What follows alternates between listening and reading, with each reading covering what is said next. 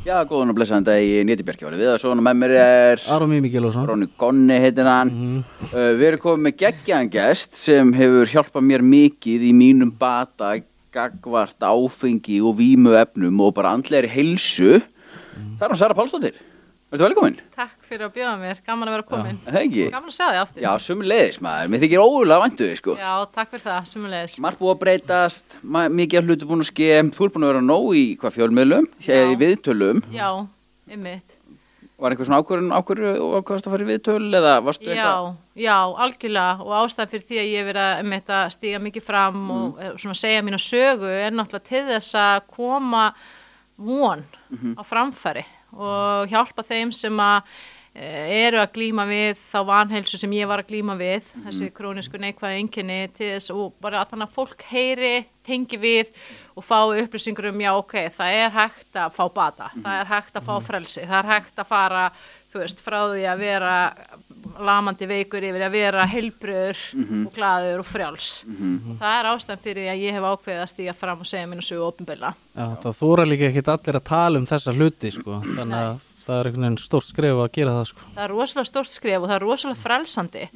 Og þegar að ég glýmdi við fíknisjúkdóm og átröskun og, og, og, og þegar ég var veik á sinni tíma þá hefði ég frekar dáið heldur en að segja, draga mínar beinagrindur fram út úr skápnum og, og sína þær af því að það var svo mikið skömm í mér.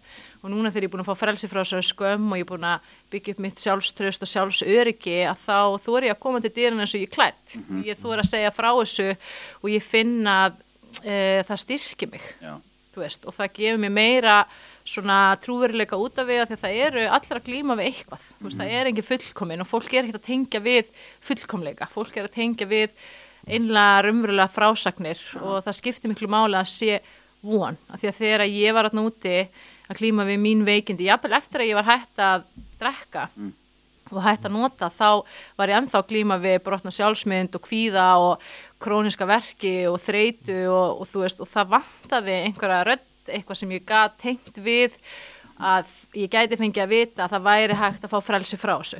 Það væri hægt að, að ég þyrfti ekki að vera bara eitthvað sjúkdómsfórnalam það sem eftir væri og líka bara plan og aðstof við að brjótast út úr þessu. Já Hvern, Hvernig var eins og veist, æskaðin og hve- hvernig byrjar eins og veist, þú varst að tala um eins og að komst ekki út úr húsi á fyrirsögnin sko, komst ekki út úr húsi fyrir að heita landasala það er, all, það er alltaf reynda Róleg kri... fyrirsögn. Já, það er- þetta er alltaf gert sko þessar selja mest sko. Já, já, algjörlega, já. sko. Já, þetta. Já, þetta er allt snýst um það núna sko. En hvernig var eins og æskan hjá Já, þér og, og veist, En það sem er kannski þetta styrla er einmitt þetta er satt já, og og ég var þann, það veik á tímabili að ég komst þegar ekki út úr húsinu Mhm. til að hitta landasalan sko.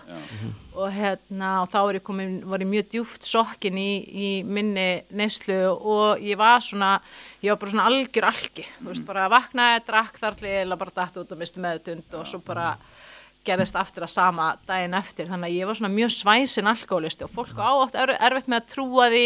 Þú veist það finnst það ekki sjást á mér eða finnst það ekki skinni á vitsmunum en það er bara þannig að það er hægt að fá bata frá öllu. Og það er það sem ég trúi. Og það er hægt að fá bata og líka síðan nýta reynsluna til þess að bara skara fram úr eða hjálpa öðrum eða, eða gera ykkur stórkustlega hluti og